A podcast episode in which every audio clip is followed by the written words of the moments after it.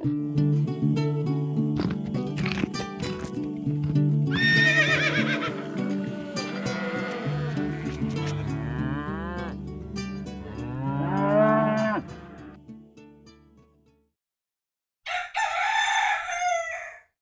morgen, god dag, god kveld, god et eller annet, og velkommen til Gjengevold pludrekrast.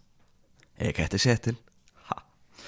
Jeg har kaffe i koppen, der er fyr på peisen, og Mari står med rumpa i været og gjør yoga ut på gulvet og ser nå eh, lett fornærma ut. Denne siste uka har det ikke skjedd så veldig mye spennende. Det er stadig snø ut forbi. Det er, det er stadig putling og småfiksing og logistikk.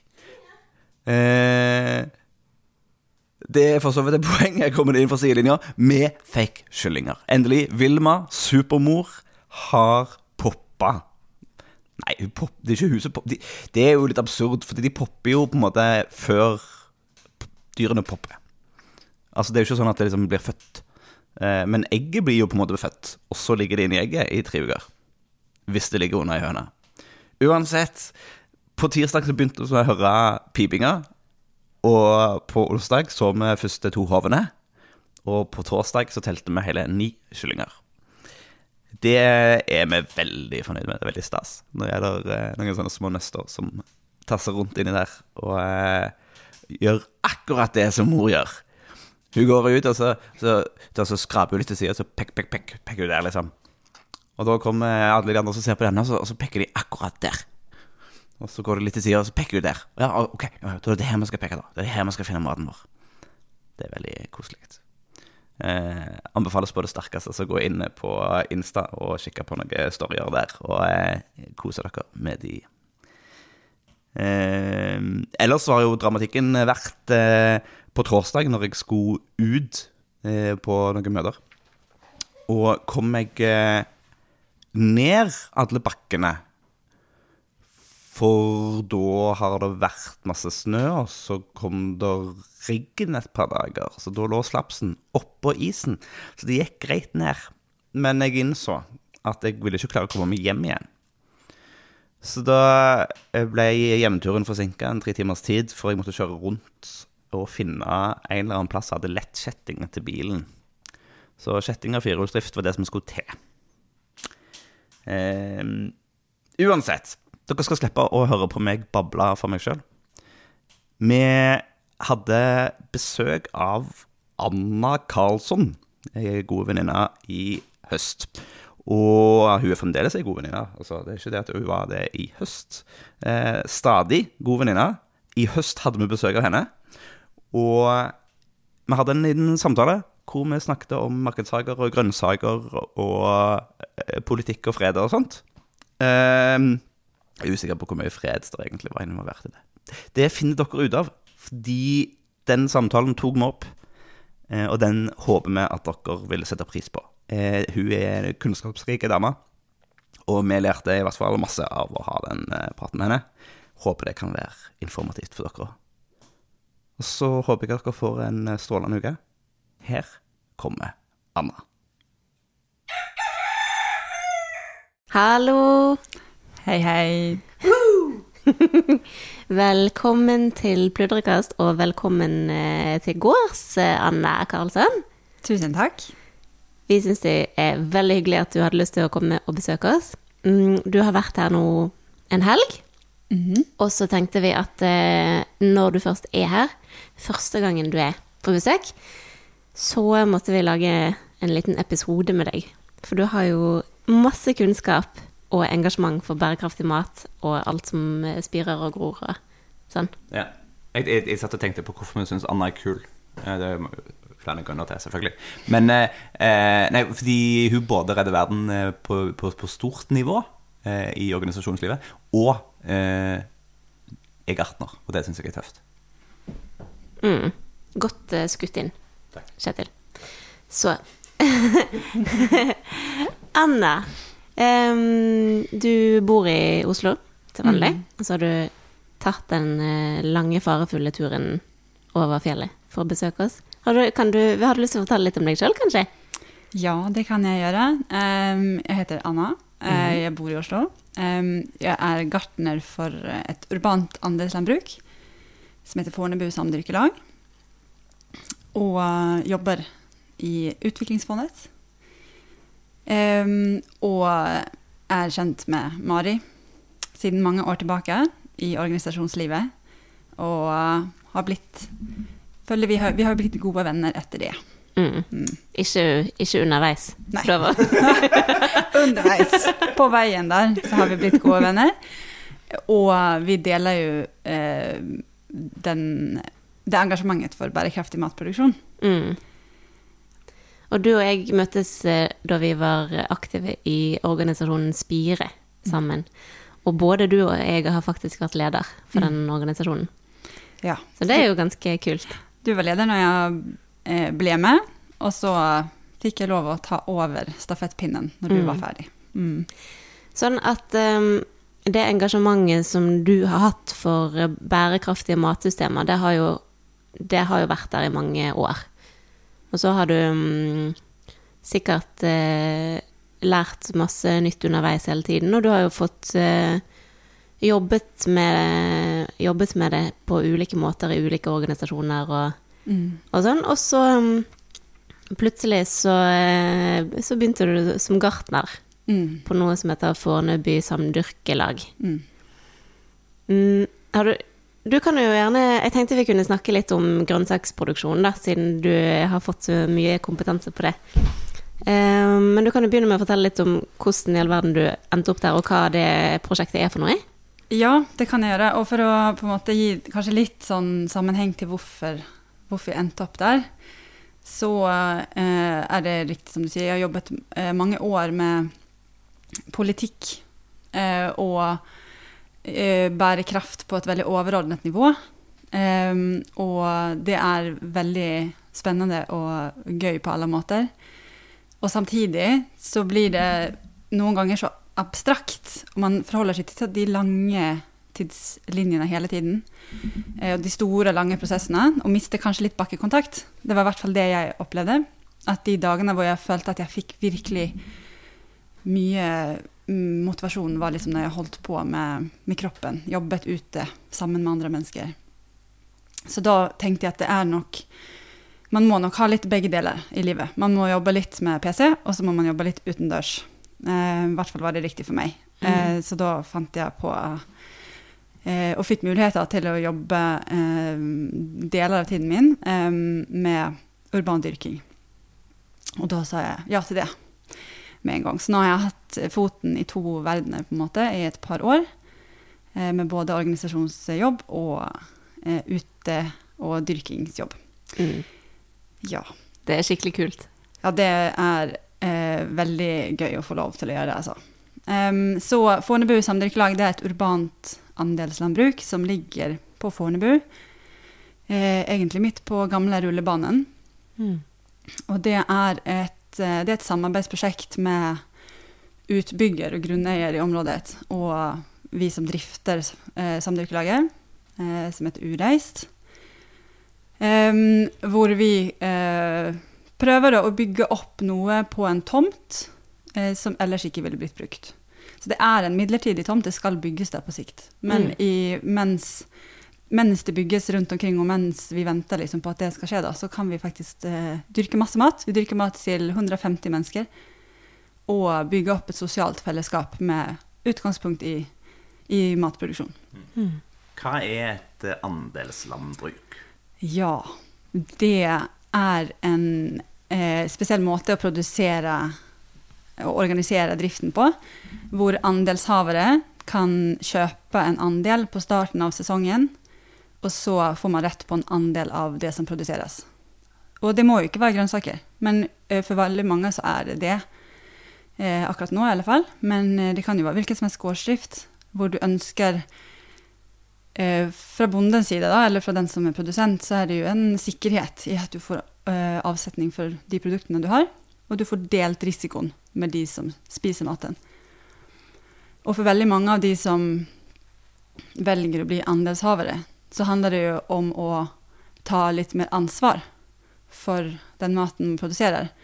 eh, betale noen en rettferdig pris, og kanskje også ta del i, eh, ta del i selve produksjonen gjennom eh, dugnadsarbeid eller arbeidsinnsats på gården. Mm.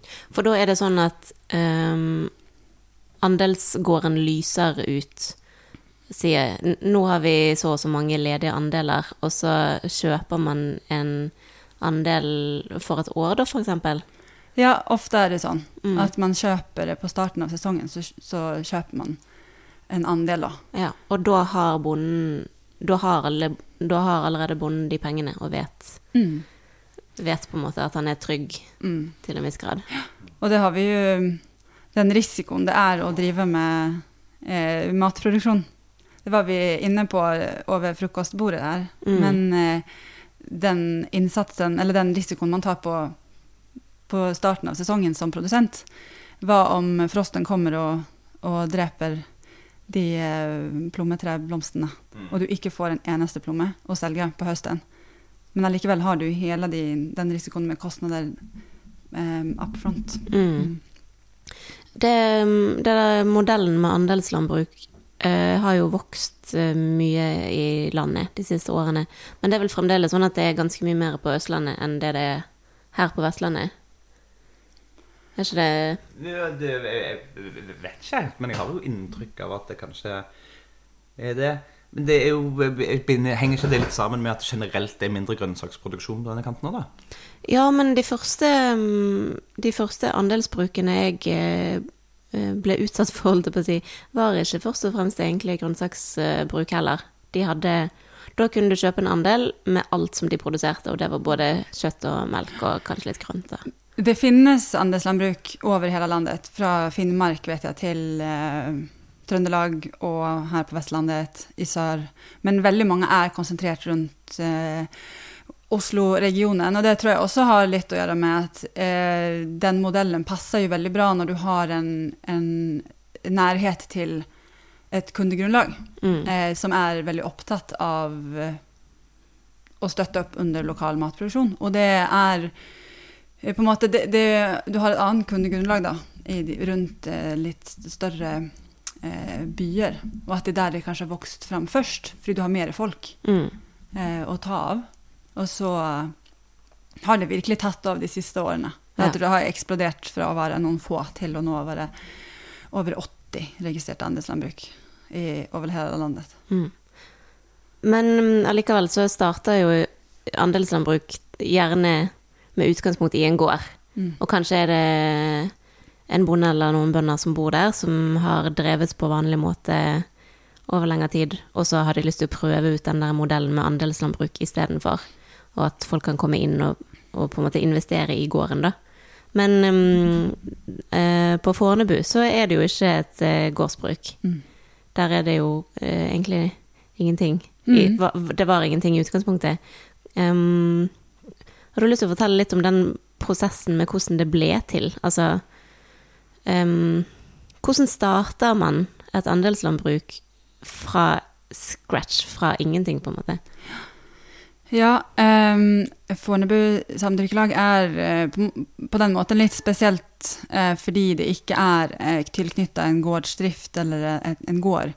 Og andelslandbruk kan jo være organisert enten bondestyrt, um, hvor det er liksom bonden eller produsenten som ønsker å gjøre det som du sier.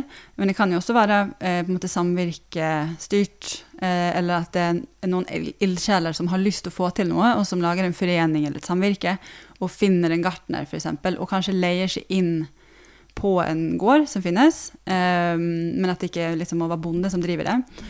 Eh, så og måten Fornebu samvirkelag eh, drifter på, er litt annerledes igjen, da.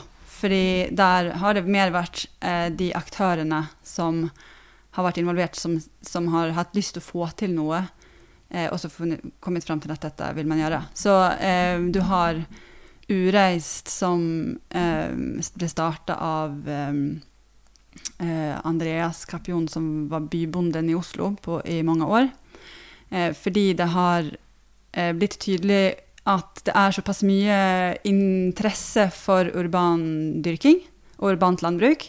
Men hvis man skal få det til i på en måte stor skala, da, eller i, i en måte som gjør at dette blir en del av byene i framtiden, så har på en måte man sett at eh, det er behov for å ha noen aktører som kan gjøre dette. At det ikke bare må være basert på frivillig engasjement, som veldig mange eh, kjempefine initiativer er, eh, med parsellhager og dyrking i liten skala, liksom, som er kjempefin. Um, men eh, som også på en måte er avhengig av offentlige midler, eh, som også er bra. Men hvis man på en måte skal få det til eh, i At det skal bli en del av, av hvordan byene ser ut, eh, så er det dumt hvis alle på en måte slåss om de samme midlene om eh, å få til gode prosjekter. Så ideen her var å finne en markedsbasert løsning, hvor eh, innsatsen som vi legger inn, da, skal betales på, av å på en måte selge andeler eller eh, dyrke Jeg skal si her da at, at Ureist gjør flere ting. Eh, så samdyrkelaget er én ting. eh, Men produksjon på steder er en annen ting, hvor vi bl.a. har takhager og innendørsproduksjon på, på liksom lokasjoner. da, Hoteller eller andre ting. Og at vi anlegger tak, eh, grønne tak, grønne spiselige tak. Mm. Så det er um, på en måte flere med driftsmodeller her, men at ideen er at alt skal liksom kunne gå rundt da, økonomisk, Mm. uten å måtte være avhengig av, av støtte utenfra. Ja. Mm. Um, hvor mange andelshavere har dere? Eh, vi har eh, rundt 130 andelshavere, eh, men dyrker mat til 150. Ja. Så dette er jo Nå er vi inne på andre året av, eh, siden vi startet opp. Ehm, og så blant de andelshaverne vi har nå, så er det også noen skoler og barnehager. Det syns jeg er koselig. Ja, det, det er veldig koselig. Ja, så vi har um, Vi har da veldig mange familier og uh, unge par um, som er innom åkeren da, og høster sine egne grønnsaker hver uke. Og det er veldig fint at også barnehager og skoler kan gjøre det. Så de kommer også og høster på lik linje som de andre andelshaverne. Og så tar de med seg maten tilbake til, eh, til seg, og så blir det laget varm mat på det. Hvordan eh, fordeler dere liksom eh, Har alle andelene sin, eh, sin parsell, eller eh, eh, får de beskjed om at de kan ta en halvmeter med gulrøtter? Eh, Eller altså altså Ja, jeg kan fortelle litt, for det er, eh, det er jo en litt annen måte å drive på. Altså Andelslandbruk eh, er ofte sånn at du får ikke din egen. Du får ikke ditt eget område som du skal passe på, men i stedet så gjør vi allting i fellesskap. Eh, så vi har en stor åker på syv mål med grønnsaker, og så like mye med eng. Og, og eh, blomster for pollinerende insekter og sånn. Um, og dette eh, driftes liksom i fellesskap, og så får alle en andel av det som blir produsert. Så eh, jeg er gartner, da, så er jeg ansatt for å koordinere og eh, holde i disse samdyrkingene og samjobbing som vi har eh, hver uke, hvor andelshaverne kan komme og være med hvis de vil. Og så er det også jeg som fordeler, på en måte ser hva har vi i åkeren, hva er høstemodent, hva er klart, og så sender vi ut høstemelding hver uke, og så får alle komme og høste akkurat når de passer dem. Og da står det akkurat hva de kan ta, og hvor mye, eh, og hvor i åkeren det står, og hvordan man høster det. Eh, og så er det tillitsbasert eh, at de kommer og høster det når de, treng, når de trenger det. ja. Høres jo fornuftig ut. Og så ligger jeg der det er tillitsbasert. Ja. På generelt grunnlag.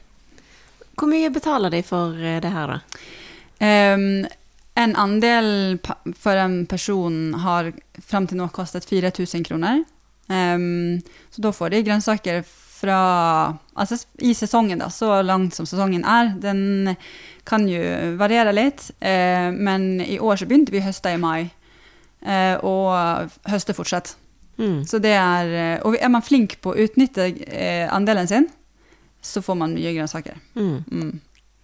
Og så har vi, nå skal vi mm, åpne for eh, på en måte familieandel, og, og, og vi gjør noen justeringer underveis og finner ut av liksom hva, ty, hva slags type andeler man har. Eller vi har, da. Mm. Mm.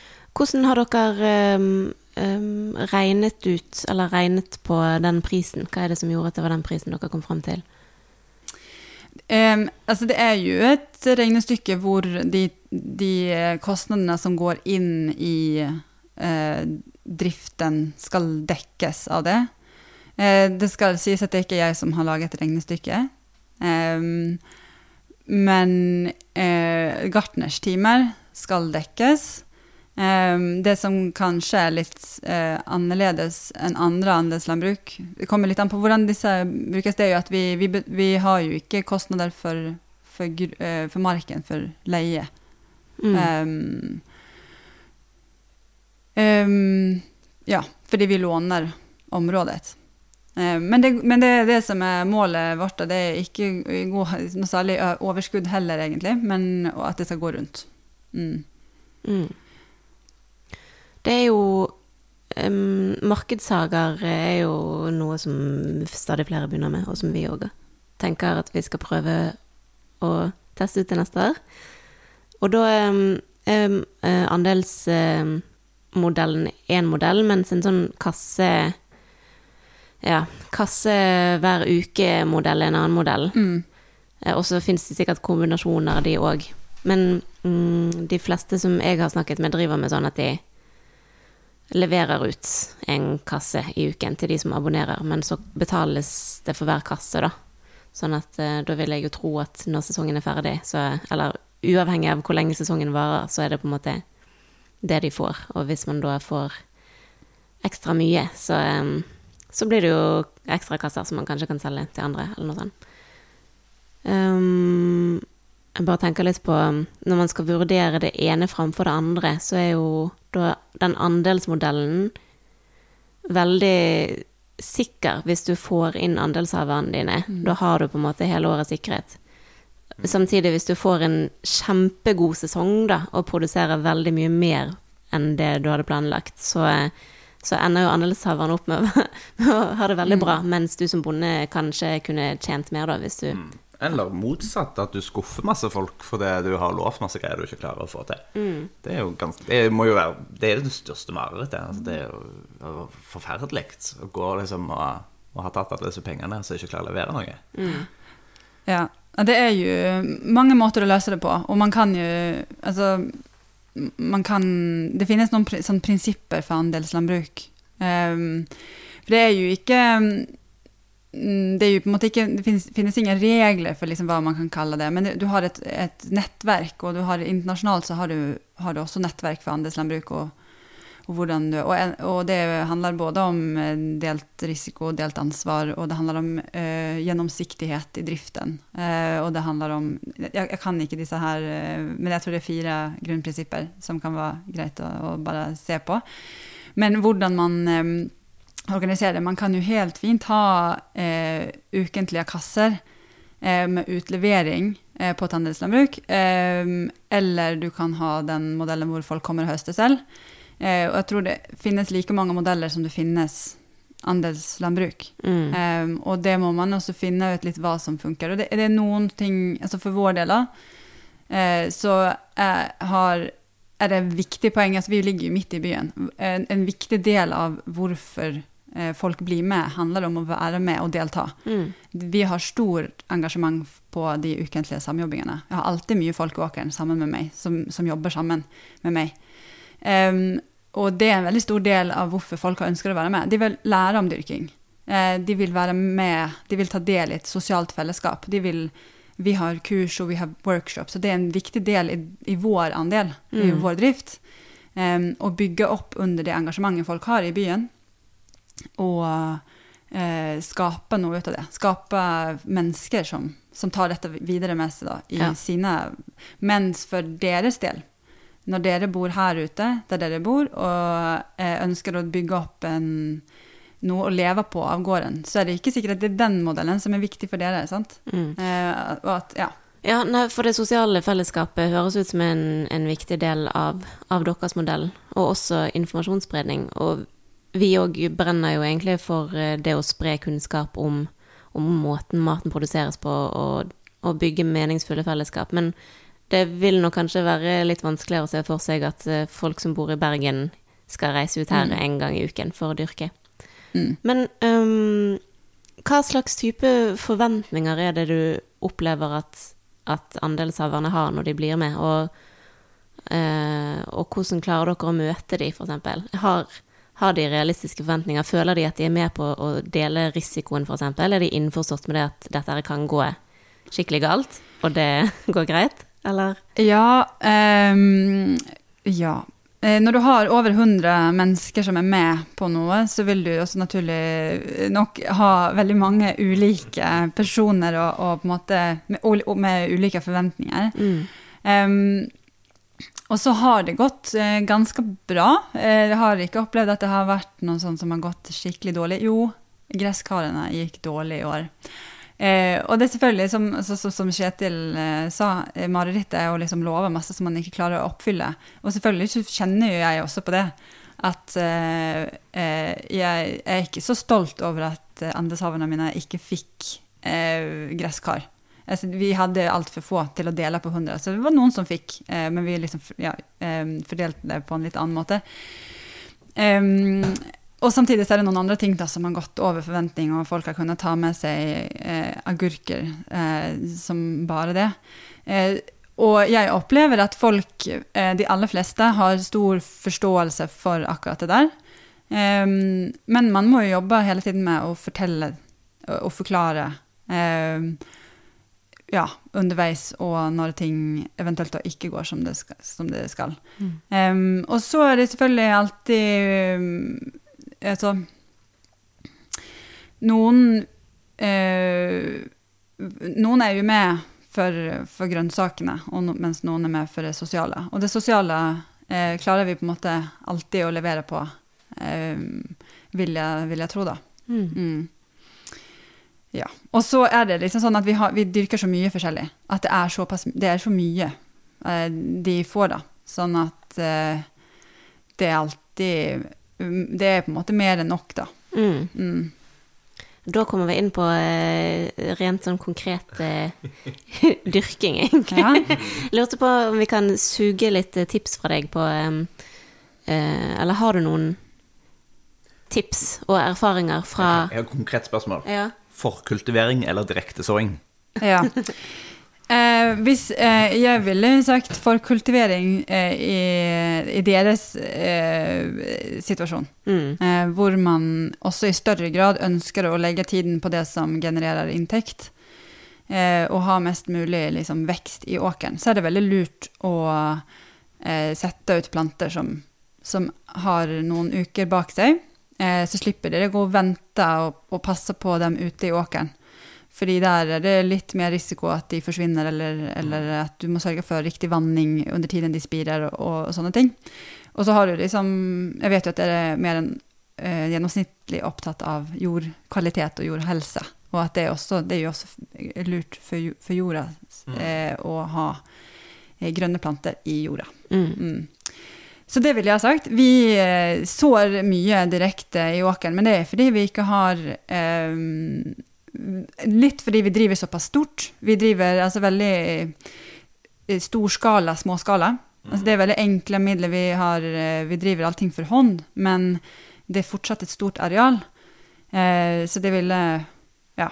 Så vi gjør litt begge deler. Vi kjøper inn noen små planter. Vi aler opp noe selv, og så sår vi mye fra frø. Fordi det er, mye, det er veldig enkelt å oppbevare frø og lagre frø. Mm. Men vi har ikke plass til å, oppal, eller, å drive med storskala liksom, produksjon av små planter.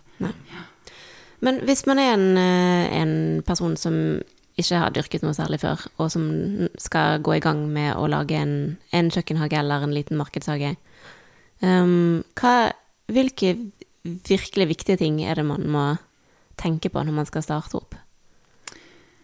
Em, jeg tror at det vikt, altså noen viktige ting er å uh, gjøre det, og ikke la være å gjøre det fordi man ikke tror at man kan, eller fordi man tror at man må vite mer, eller sånn. Fordi den beste erfaringen er jo den man gjør seg mens man holder på. Um, og så ikke liksom være redd for at det skal gå til gå til skeis. Det er sikkert noe som kommer til å gå dårlig, men så er det noe som kommer til å gå bra, og så lærer man underveis. Det tror jeg er vikt, eh, liksom nummer én, er jo å Mm. faktisk gjøre det. Og så noe som har hjulpet meg veldig mye, det er jo å eh, liksom eh, søke opp informasjon fra andre som driver med det samme. Eh, YouTube er en kjempefin eh, lærer. Um, Har du noen gode YouTube-kanaler? Um, ja, jeg har eller, altså, Det finnes jo ekstremt mange som driver med, med dette her, da. men eh, min store på en måte, Mitt forbilde er Sara Bäckmo i Sverige. Eh, Jeg er jo svensk, som folk sikkert har fått med seg, um, og begynte å følge henne um, før jeg begynte å dyrke selv. Uh, og hun er hun eh, har veldig mye ressurser Mm. eh, på, på dette området. Og er en eh, sterk personlighet med mye integritet, og som driver et foretak som hun har klart å bygge opp på en veldig ålreit og profesjonell måte. Så det er veldig imponerende, Mm. det hun har fått til. Sara Bekkmo. Sara Bekkmo. Mm. Mm. Bra tips. Mm. Ja. Og så er det jo internasjonalt så er det jo ekstremt mange som driver med dette. Markedshager og regenerativt eh, jordbruk på alle mulige måter. Og homesteading. Du har jo hele USA med alle disse homesteaders. Mm. Eh, selvfølgelig noen av de også. Ja. Mm. ja, der er det et hav og et hav. Mm, det er det.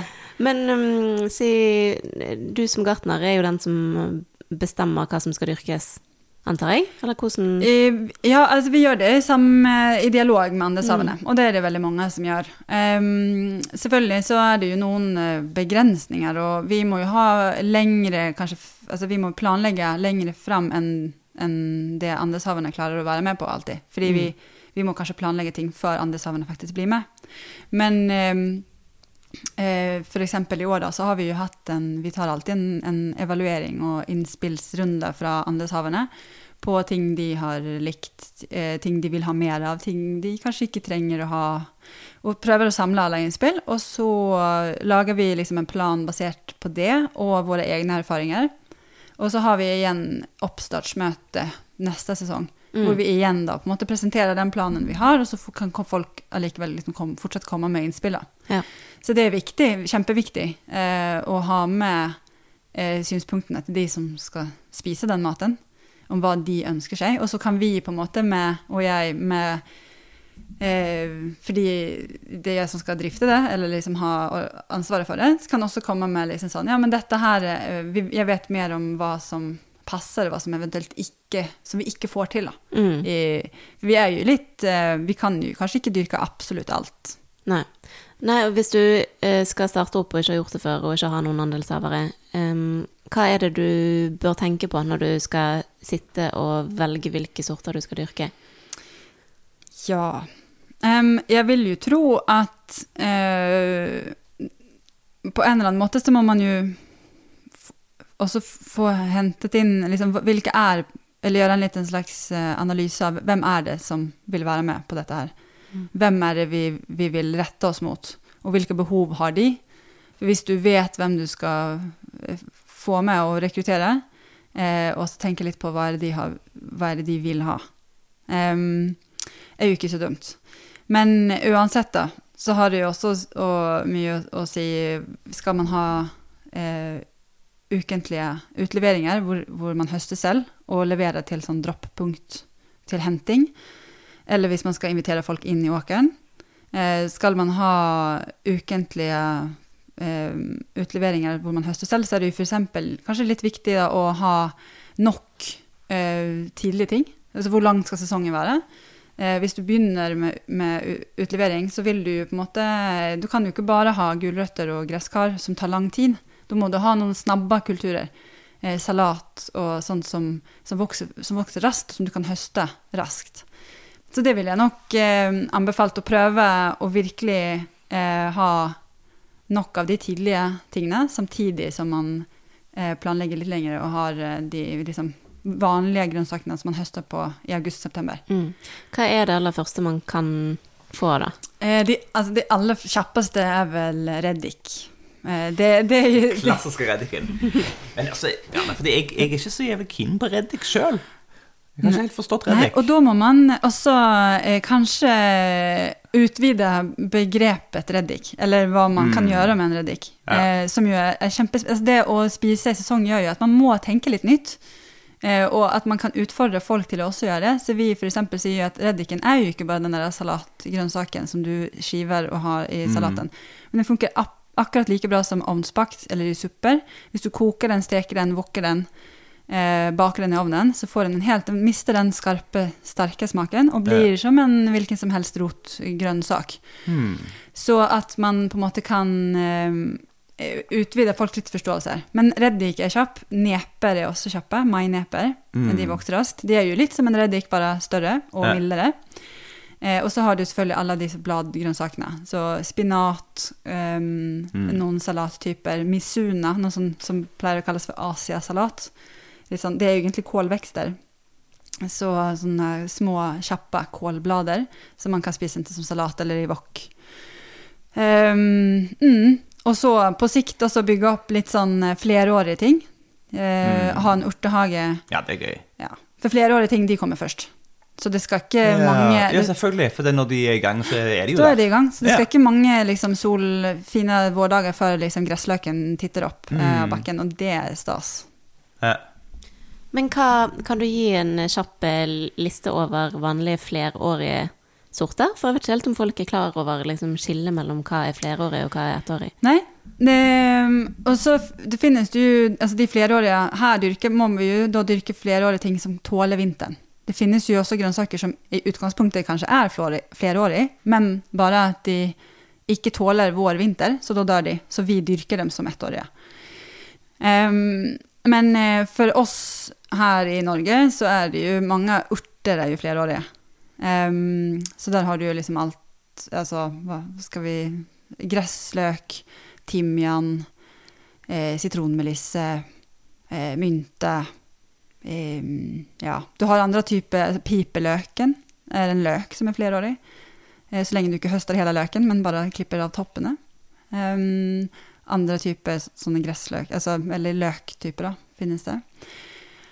Uh, ja Og så er det jo Men så er det sånn at veldig mange av de grønnsakene vi høster, uh, dyrker vi som ettårige. Em, så det er En grønnsaksåker vil jo alltid være i større grad eh, noe man høst, sår på, på våren og høster utover sesongen. Mm. Prøver å tenke på om jeg kommer på noen eh, sånne veldig gode eksempler på flere ting. Men også kan man utvide sesongen, eller f.eks. så ting som eh, kan overvintre om man høster f.eks. av purre. Det er ikke sikkert at alle vet det. veldig mange, det finnes purresorter som fint kan stå i åkeren vin, eh, hele vinteren. Kommer litt an på hvor du er, selvfølgelig, og hva slags vinter du har. Eh, men hvis du da planlegger litt, så kan du måtte dyrke opp eh, purre, plante den ut på høsten, la den overvintre, og så høster du den tidlig på våren. Før den begynner å blomstre. Det er ganske kult hack. Det syns jeg, det syns jeg var gøy. Mm. Ja. Um, dyrker dere økologisk? Ja. Mm. Vi er ikke økologisk sertifisert. Det har jo også litt med å gjøre med arealet vi har, eh, og hvor lenge vi har det. Men vi dyrker etter økologiske prinsipper. Ja. Og da er det jo ikke lov med, med sprøytemidler? Eller er det noen sprøytemidler som er lov? Eh, ja, det finnes jo økologisk godkjente midler. Mm. eh, vi bruker ikke noe Vi kjøper ikke inn noe plantevernmidler i det hele tatt. Men det finnes, jeg vet jo at det finnes liksom preparater som er godkjent i økologisk produksjon. Og litt, sånn, litt avhengig av produksjon også. Men vi bruker ikke det. Men Hva er det dere gjør for å forebygge sykdom og insektangrep og sånn? Ja, um, forebygge var vel et viktig nøkkelord, tror jeg. Altså det, hvis man klarer å ha friske planter, eh, sterke, friske planter, så motstår de jo angrep bedre. Og så er det noen planter som er litt ekstra utsatt. Kålfamilien, hele kålfamilien, den er eh, veldig utsatt. Møll og sommerfugl og noen fluer. Det finnes mange som liker dem. Så da må man beskytte dem. Så vi driver, vi har eh, duk over alle kålplanter. Hele sesongen? Fra de er små, fra vi planter de ut, eventuelt sår de hvis vi sår, eh, til liksom det verste presset er over. Sånn vi løft, vi, var, jeg tror jeg hadde de ut august, eh, hadde jeg duken på, så løftet jeg duken i, i september. Ha, Men det vil jo ikke være poeng å ha den på videre for å gi ekstra isolasjon utover høsten? Eh, Det kan, det kan være det. Um, hvis du dyrker skjent, så vil jo et lag med hva som helst beskytte mot frost. Eh, men kålen er såpass eh, kuldeherdig at den ikke trenger det, og ikke så tidlig. Nei. Eh, og særlig for, for vår del så er det fordi det er litt vanskelig å komme til når den duken ligger på. Og vi har andeshavere som skal inn og høste eh, når som helst og sånn. Så da er det mange folk, og det er vanskeligere å se og komme til. Så, så vi tok den av mest av det. Og så er det også Det er også finere uten. Det ser Selvfølgelig er du ja. gal. Ja, ja, den tunnelen er ikke så gøy, men, eh, men nødvendig. Men, men, Men- men, men- den er veldig effektiv. Får de, får de liksom kuldesjokk etter de har vært inne i en sånn varmetunnel hele sommeren? Eh, ja, det vil jo bli en liten eh, omstilling, selvfølgelig. Alle, plantene, alle planter blir tilpassa det de vokser opp med. Så vokser de opp veldig beskyttet.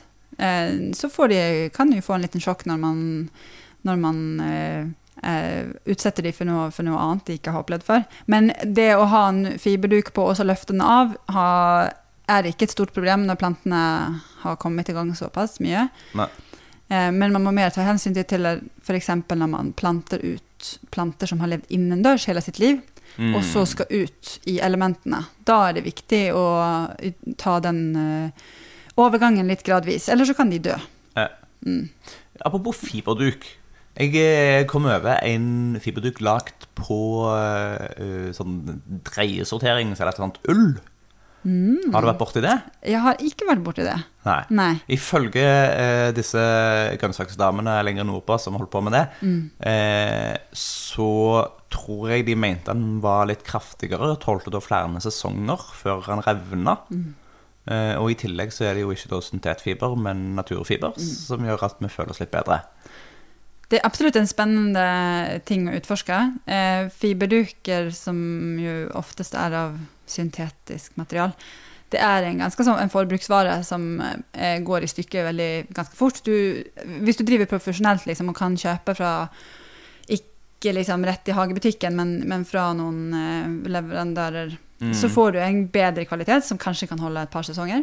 Ehm, og noen, hvis de revner litt, så kanskje man kan gjenbruke de til andre, eh, andre formål. Hvor det ikke må være helt tett, f.eks. Bare, bare være litt beskyttende. Mm. Eh, men hvis, du, hvis man klarer å få til andre materialer, så er det så klart et pluss. Og så er det alltid en liten sånn, et sånn eh, hva skal man si, kompromiss, eh, tenker jeg. Også hva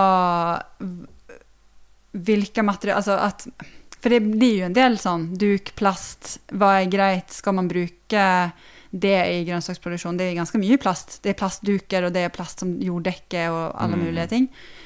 Eh, så må vi veies opp mot både arbeidskostnader og eh, Eller eh, arbeidsinnsatsen som det er hvis du ikke bruker det. em, som kanskje muliggjør en produksjon som ikke ellers ville vært mulig å gjennomføre. Eh, og det at du, at du ikke benytter det av eh, kunstgjødsel og kjemiske sprøytemidler. Ja, Så det er mange kompromisser og, av, avveininger hele veien. Ja, jeg har jo forstått at eh, ja, etter, etter noen tre måneder i landbruket, så er det øh, det er mye, mye sånne vurderinger underveis. Det er vanskelig å, å være 100 prinsippfast eh, fra ende til annen, altså. Um, grønnsaksproduksjon er jo også en ganske um, eh, krevende produksjon sånn næringsmessig. Altså eh, intensiv produksjon på samme areal krever jo mye innsatsmidler i form av gjødsel eller kompost eller hva som helst. Eh, hvordan ordner dere det? Syv mål er jo òg et veldig stort areal. Ja, det er et ganske stort areal. Um, og eh, jorda vi dyrker i, er um, Altså, jeg har sagt at det var flyplass der før. Eh, den jorda er borte for lengst. De har sanert området. Eh, så vi dyrker ikke i, i de gamle massene fra, fra den tiden. Eh, men så det kjør, Først er det kjørt dit noen sånn stein og sånn. Så har vi da i fjor lagt på et lag med matjord, eh, veldig leirholdig matjord, fra en gård i eh, området. Det hadde blitt skrapt vekk i sin tid fordi de skulle bygge et eller annet. De måtte skrape vekk mm, matjord, så lå det en haug i mange år og ikke ble brukt til noe som helst. Så kunne vi bruke den, da. Så den ligger i først. Og så på toppen av det så ligger et lag med kompostjord som er produsert, altså kjøpt inn fra noen som driver med, med storskala kompostering. Og der um, er det Den er ikke så veldig næringsrik eh, i utgangspunktet. Eh, det er basert på hageavfall, så det er ikke spesielt næringsrik. Ikke så mye nitrogen, f.eks. Um, men på en måte har, har litt næringsdepoter som plantene kan bruke. Og så må, så, så må jo vi da nødvendigvis, fordi vi ligger der vi ligger, føre inn uh, utenfra. Så vi, må, vi har f.eks. i år kjøpt inn kompost um, som vi har spredd på jordet. Um, vi produserer egen kompost, men det er ikke nok til det arealet vi har. Uh, og fordi vi er helt i oppstartsfasen. Altså. Vi har jo f.eks. mye mer kompost i år enn hva vi hadde i fjor. Eh, fra egen eh, Altså fra planterester og ugress og det vi har der. Eh, og så tilleggsgjødsler vi med pelletert hønsegjødsel. Mm. Og faktisk en ting til, som er eh, biorest. Vi har eh, altså de grønne posene, som blir eh, altså matavfallsposene, som blir sendt til biogassanlegg. Der får du en, bio, en biprodukt, um, en væske og et sånt uh, tørt strø. Den væsken har vi også brukt. Ja. Og den fungerer jo som en sånn direkte gjødsel. Um, som plantene tar opp med en gang. Så det er, ikke, det er på en måte mer sammenlignbart med vanlig gjødsel. Um, mens komposten går jo på det mer langsiktige, å bygge opp jorda. Hvordan vet dere hvor mye dere skal bruke? Hvordan, hvordan beregner man kompostbehov og Ja, dette er jo eh, litt sånn lagarbeid. At jeg er ikke alene om dette her. Jeg har eh, ressurspersoner å spille på. Eh, og så vi har laget planen sammen på starten av sesongen. Um, men um, så finnes det no, nok også noen retningslinjer man bør sette seg inn i når det gjelder å, å kjøpe kompost, og hva man kan kjøpe, og hvor mye man kan spre. Eh, men og, og et, altså, altså, kompost som ikke er spesielt næringsrik, den vil du på en måte ikke kunne Det kan jorda ta ganske mye av. Der har du oftest ikke nok. Hvis vi sprer én centimeter tjukk lag på toppen av eh, bedene, um, så går det mye kompost, kan man si. mm. Mm. Og da føles ikke det så mye ut. Én centimeter. Mm. Og så må man vite litt om næringsbehovet til plantene. Hvilke planter er det som trenger den ekstra næringen i vekstsesongen? Hvilke er det som ikke trenger det? Ja. Så f.eks. kålvekster. De er ganske næringskrevende. Så de vil gjerne ha eh, Så der har vi liksom i tillegg til komposten på starten av året, så tilleggsgjødsler vi da med hønsegjødsel utover i sesongen Mm. et par ganger. Og den planen har vi laga sammen. ja. Og da er, er vi jo litt inne på det her med vekstskifte og sånn òg, at man ideelt sett skal rotere på vekster. Og der har jeg eh, skjønt at eh, det er et, eh, det er et viktig ideal og et, og et fint prinsipp, men i, i markedshagesammenheng i hvert fall så eh, tilpasser man det kanskje litt, eller eh, Ja. justerer litt.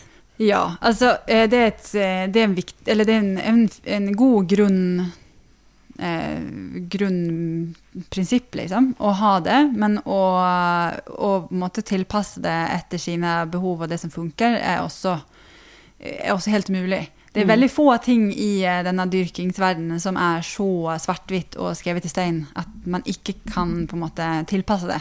Det tror jeg også er en, en sånn viktig ting å ta med seg.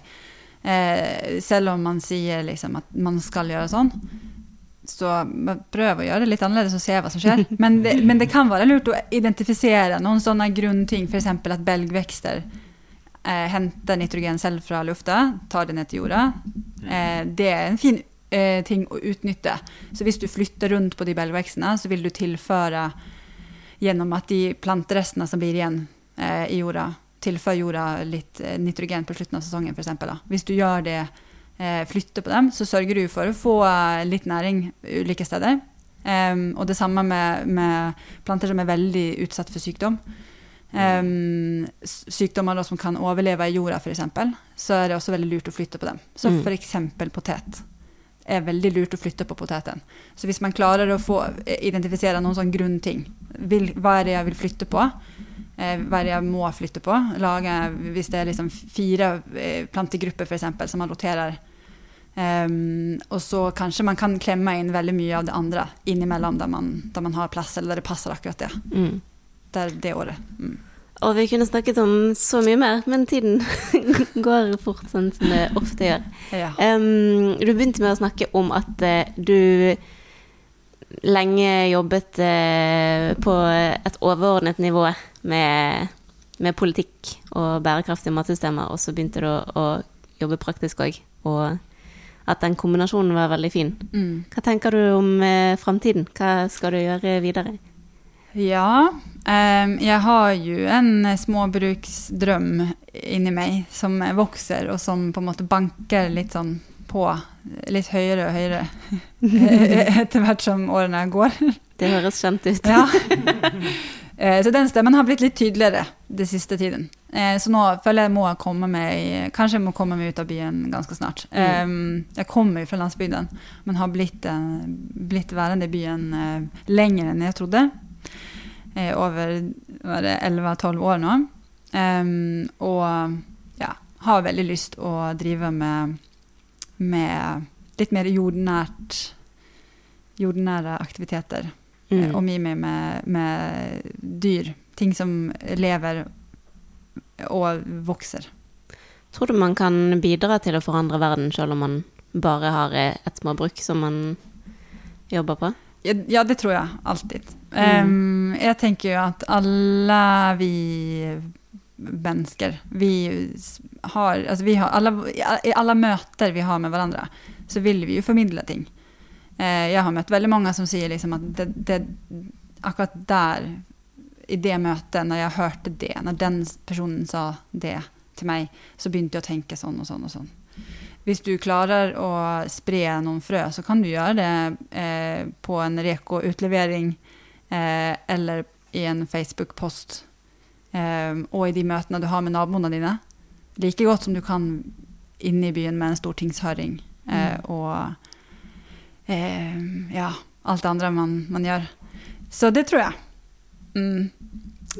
I det, på en måte det små, som eh, vi alle Alle endringer starter i det små. Mm. Mm. Det er en veldig motiverende tanke. Ja, det er betryggende, kan vi si.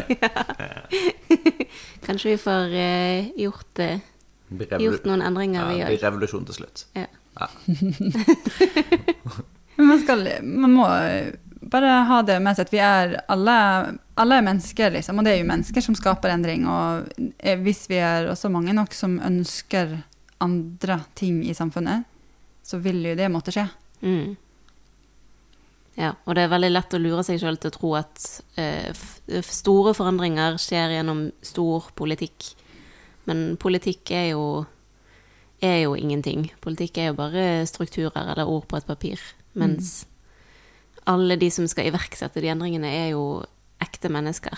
Enkeltindivider som jobber sammen for noe. Mm. Det er jo en eh, eh, heter det? Empowering. Det Ja. Ja, Mm. det er fint, det. Vi gleder oss veldig til du kommer tilbake på besøk. Ja! Kanskje Og jeg gleder meg veldig til å komme tilbake og se hvordan ting har utviklet seg, Ja. og ja, Du hva dere får- får til. mm, får hjelpe oss med å anlegge hagen vår.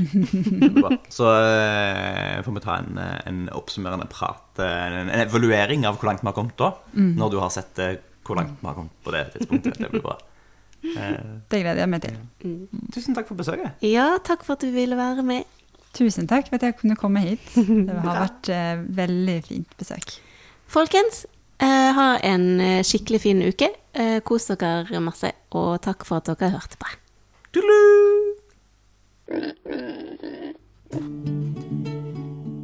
Tusen takk for at du har hørt på Gjengevold pludrekast. Hvis du har en tilbakemelding på podkasten, så blir vi kjempeglad for å høre fra deg. Er det noe du syns vi skal snakke mer om, eller noe vi bør snakke mindre om, så kan du sende oss en melding på e-post på hallo.krøllalfa.gjengevold.no.